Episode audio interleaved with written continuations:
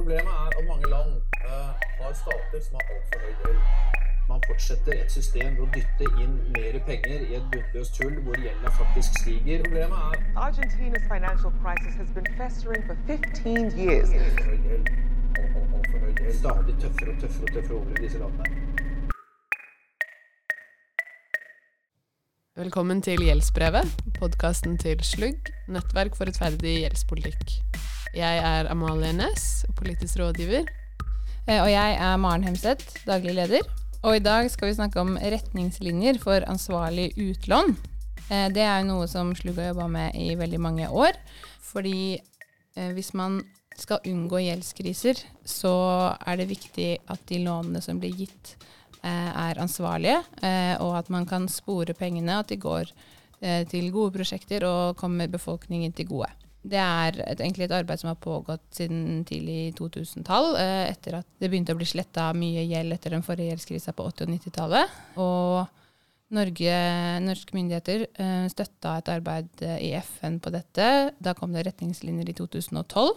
Dessverre så er det liksom forblitt soft law, som det heter. Og det er ikke obligatorisk å følge de retningslinjene for verken utlåner eller låntaker. Men det jobber vi videre med. Og det arbeidet har frem til nå vært i stor grad fokusert på stater og multilaterale aktører.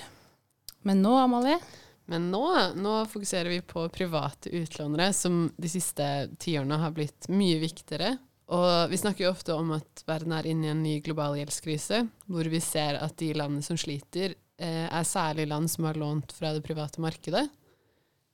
Og da er behovet enda større for gode retningslinjer som sørger for at private investorer også opptrer ansvarlig, noe vi kan anta at de ikke har gjort i stor nok grad, siden vi er her igjen.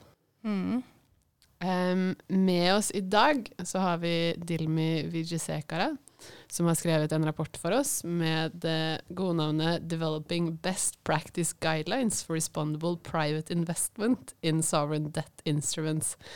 Det er en munnfull. det er en munnfull. Men hei, Dilmi. Hallo.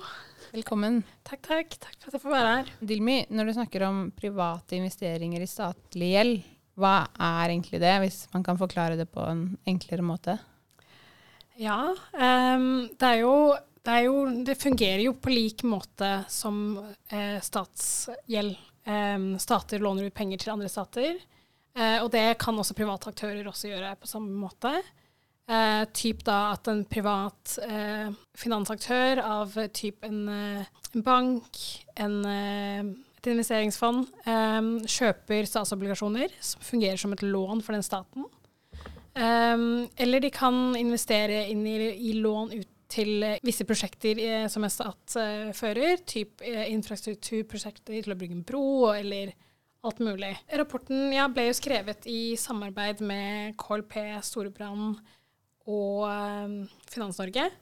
Det burde være et bredt spekter av folks eh, og syn eh, på eh, når man lager en, et godt utgangspunkt. Og det følte jeg at vi fikk gjennom eh, referansegruppen. Og, så ja. og så er det ansvarsfordeling, som eh, også er et stort problem. Det er jo eh, Som var også veldig stor ting vi diskuterte om i referansegruppen. Det er eh, at ofte så er det feilen havner også ofte på eh, landet som tar gjelden. Eh, og private aktører er eh, de er mer fleksible. De kan gjemme seg, de kan eh, lobbe for å få eh, ja, bedre eh, resultat i sånne restruktureringer og sånt. Og det er å liksom på å vise at eh, retningslinjene eh, tydeliggjør ansvarsfordeling eh, mellom begge parter. Det er ikke Nei, for det er jo et problem vi ofte ser i dag, eller som regel ser i dag, at eh, i mangel på retningslinjer for ansvarlighet eller bindende regler, så eh, bare unngår de private å delta i det hele tatt. Som for eksempel investeringsfondet BlackRock ligger an til å gjøre en profitt på over 100% i Zambia sin gjeldskrise, der de både har muligheten og lyst til å først ikke bli med på å utsette gjelda når pandemien kom, og i dag så har de heller ikke eh, lyst til å, å delta i noen samtaler. Og det har de mulighet til når vi mangler regler. Mm. mm. I rapporten eh, Dilmi så skriver, eh, så skriver du jo en del om, om hva som er långivers ansvar, og hva som er låntakers eh, ansvar. Og eh, det er jo litt forskjellig type ansvar de har. Eh, så kanskje du kan fortelle litt om hva man som en privat långiver må ta hensyn til? Eh, ja, um, for det er på en måte på sluttfasen, da, når du har liksom gitt et lån, eh, problemet har oppstått, og så var liksom ditt ansvar da på slutten av den prosessen. Og det er jo liksom en, som en privat aktør, er for først vite hvem er det du har gitt lån til. Er det en legitim aktør som har tatt på seg den gjelden? Er det brukt eh, for å bedre befolkningens eh, livsstandard, eller er det brukt for å eh, berike dem selv? Ehm, og så er det også på en måte igjen som privat aktør at følge opp på lånet eh, gjennom selve prosessen. Eh, når du har gitt et lån, hvis du har gitt et lån til et prosjekt, bygges det igjen, eh, eller er det brukt til noe annet? Til å kjøpe våpen, eller ja. Ehm, ja, følge på hensikten med lånet, eller ja, hva det blir brukt til. Eh, og så er det Hvis da en stat har kommet til eh, til konklusjonen at man kan ikke betale eh, tilbake lånet, man kan ikke betjene lånet, da, er det, da må man møte dem eh, til forhandlinger for å kunne liksom finne ut av Finne en felles løsning på hvordan man kan eh, ja, betjene lån på et mer, mer gunstigere eh, forhold, da. Um, ja, så det er liksom privat, Men, men det, det, er todelt. Så det er liksom Det er den ansvarsfordelingen igjen. Det er, som privat aktør, du kan ikke eh, garantere at eh, ting har gått som det er. Det kan hende at man har lånt ut feil til en korrupt eh, regjering eller hva det kan være, men man må på en måte følge opp underveis og liksom møte Ja. Ta ansvar for eh, ja, de utlån man har gjort. Mm. En stor del av den rapporten her er jo at dere har gått gjennom, eller du har gått gjennom mange, mange av de rammeverkene som fins, eller retningslinjene som fins, som vi har både snakket om er for vage og for overordna. Um, og i rapporten så er det en sånn egen del som er uh, dedikert til å snakke om de gjentagende tingene, da. De gjentagende der det faller til kort, fordi hva vi trenger. Um, vil du snakke om noen av de? Ja. Um, så det, det første problemet jeg fant som kom veldig tydelig fram i andre rapporter, men også i andre retningslinjer, og blant referansegruppen, er det er ikke en tydelig forståelse av hva bærekraftig gjeld er. Et av de store problemene er at um, altså gjeld um, i forhold til eh, BNP, eksempel, det et lands kapasitet til å kunne ta på seg gjeld varierer veldig. Eh, og det er, veld, det er veldig lite teoretisk økonomisk som forklarer hvor mye gjeld et land kan eh, betjene, og hvor mye et gjeld av BNP f.eks. et land kan ha. Hvorfor kan f.eks. USA og England betjene gjeld som er enorme i forhold til type land som Sri Lanka eller Mosambik, altså småland? Um, for det viser seg at veldig mange, veldig mange land har ikke nødvendigvis Jeg tror e- Europas ehm, eh, standard er 60 av eh, BNP. Du kan ikke ha mer gjeld enn 6% av BNP. Men, men eksempel eh, flere ganger Argentina og Hellas for eksempel, har hatt mindre enn 40 eh, Noen u-land har mindre enn 7% Men de ender opp i gjentatte mislighold av gjeld. Ehm, så det er, det er ikke en konkret forståelse for hvorfor det er. Eh, det er mye teori, teori rundt det. Så, så et stort problem er på en måte å kunne forstå at man kan ikke definere gjeld på økonomiske termer som man egentlig pleier å gjøre. Man må finne andre løsninger for hvordan man definerer bærekraftig gjeld. Ehm, så det var liksom et hovedsakelig Det er liksom prio nummer én. Forståelse for at den IMF og Verdensbankens standarder for hva det er, er ikke Det er utdatert, og det funker ikke i virkeligheten. Ehm, og det på en måte medfører til andre problemet, er um, at man ikke har konkrete standarder um, for uh, bærekraftig gjeld. Uh, ikke bare definisjonsproblemet, men også utover det. Altså, uh, hva, skal, man, hva skal inn i en kontrakt når man signerer en kontrakt med, og gir til et prosjekt eller til en stat? Hva skal inn i det? Hvor mye penger, hvor mye rente? Alt det her. Det er ikke konkrete føringer for det. Um, de da de retningslinjene som kanskje faktisk har det, er IMF og Verdensbanken, men de er ikke, eh, de er ikke åpne. Eh, det skjer bak lukkede rom, i forhandlingsrom, som man ikke helt vet hva eh, partene kommer fram til. Ja, og det, det er et stort problem. Så man trenger konkrete føringer for hva som skal inn i retningslinjene. Både gjeldstak, renter, formål, alle disse små tingene. Veldig konkret. Alt går tilbake til åpenhet. Igjen at, ja, at man eh, åpner opp for at eh, man eh, gir innsyn i både avtalene, forhandlingene, både før og etter, eh, dokument, at, blir, at eh, folk får tilgang, at media får tilgang, sivilsamfunnet får tilgang til hva som blir eh, besluttet.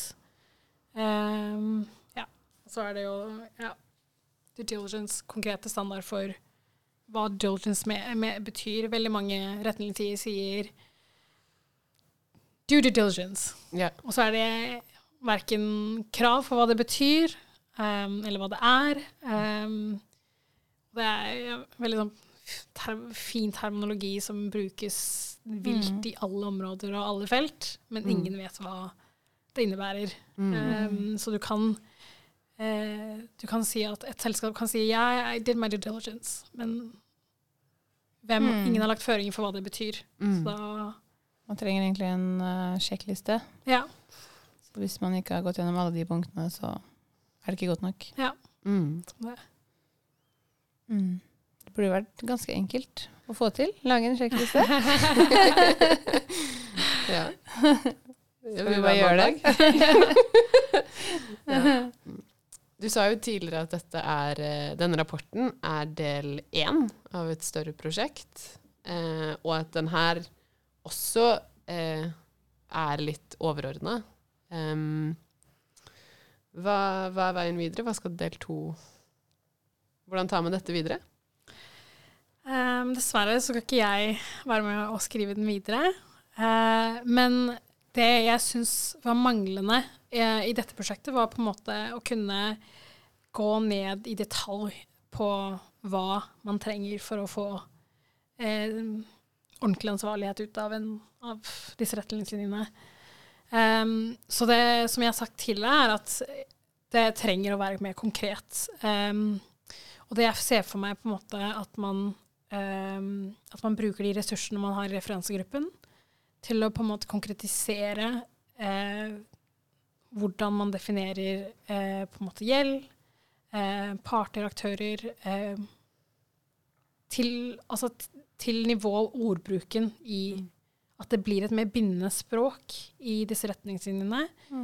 Ehm, slik at man har, slik at selskap ehm, tar med eierskap. Og, og stater tar med eierskap og på en måte hvordan man eh, opptrer ansvarlig når man tar opp gjeld, og når man gir gjeld. Ehm, så ja, så jeg, veien videre ser jeg for meg at ja, eh, jo mer konkret, jo mer er det lettere å på en måte ta Finne ut hvor feilen ligger, hvor man på en måte retter opp, da. Mm. Um, så det er det jeg ser for meg at del to går ut på. At man uh, sitter ned, setter seg ned på en måte Kanskje utforsker hva hvilke på en måte finansielle instrumenter har blitt brukt før av uh, uh, referansegruppen og ja, KLP eh, og eh, Storebrand, hvordan de opptrer. Eh, Se liksom på kontraktnivå eh, hva det gjelder. Um, så er det liksom ta inspirasjon av sånn NBIM, retningslinjer for NBIM, hvordan de investerer, f.eks. Men igjen, det er jo det er ikke en privat aktør, det er jo en statlig aktør. Det er lettere. NBIM er uh, oljefondet. Ja, Ja. for alle som hører. uh, ja, nettopp. Så da å på en måte vite hva det, hva det ligger i Fordi retningslinjene er jo fine, men igjen, ja. Det er en statlig aktør. Lettere å kreve at de opptrer eh, etter en viss standard. Eh, ja. Men oppsummert fins det da noe å bygge på, da. Hvis man har funnet ut hva det krever av en statlig aktør å være ansvarlig, så kan man vel spille videre på det. Ja, eh, ja så, det, så det er liksom Ja, så de overordna målene er jo, prinsippene er jo liksom da lagt opp. Så under hvert av de Igjen, da. Hva er det eh, man konkret trenger for åpenhet? Hvilke dokumenter er det ofte som ofte som trenger, trengs innsyn i? Eh, hvilke aktører? Eh, altså typ, ja, når man ikke vet Når det er en eh, bunke med penger, hvordan finner man ut av hvem, hvor pengene kommer fra? Um, ja, under hvert av de prinsippene, da, hva er konkrete tiltak man trenger for å eh, ta dette videre? Og gjøre det opera opera operasjonalisert. Mm. Det er det store, store ord for neste del. Ja. Operasjonalisering. Og implementering. Ja. Mm. Mm. Jeg føler at problemet ligger nødvendigvis ikke i, i forståelsen av hva ansvarlighet er, men det Mm. er liksom eh, Problemet er ja, hvordan er det man når man faktisk skal ha boots on the ground, hvordan gjør man det Mm. egentlig? At det er Mm. der på en måte misforståelsene Mm. eh, Mm. fault lines dukker opp. For, det, som, for det, igjen, når man kommer- kommer tilbake til referansegruppen, så er det altså, Tydelig tilbakemeldingen er jo Det er ikke det at de ikke vil investere, det er ikke det at man eh, Det er bare at det er, det er så umulig å forutsi eh, hva man møter på. At da Mm. istedenfor For man har jo ansvar overfor sine egne investorer og ja eh, eh, At man på en måte kan ta ansvar for hvor man investerer hva man gjør. Så da velger man ofte å heller ikke gjøre det. Mm. Eh, og det er jo ikke sånn det burde være. Nei. Nei. Tusen takk, eh, Dilmi, for at du ville komme og snakke med oss om rapporten. Det har vært veldig lærerikt også, selv om vi har lest rapporten før. Så var det spennende å høre mer om tankeprosessen og, og hvordan du jobba med det. Um, ja, nei, jeg vil takke for meg.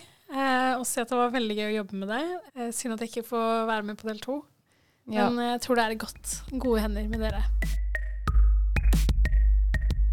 Det var en god samtale. Nå føler jeg har litt um, plukka litt opp igjen den rapporten. Ja, og hvis dere har lyst til å lese denne rapporten, eh, eller lese sammendraget, så ligger det på nettsiden vår. Og på nettsiden vår kan du også finne ulike nettsaker om andre relevante temaer. Hvis du har spørsmål eller ønsker å engasjere deg, så må du bare ta kontakt med oss på sosiale medier eller mail. Og den finner du på nettsida vår, slettgjella.no. Ok, takk for i dag. Takk for i dag.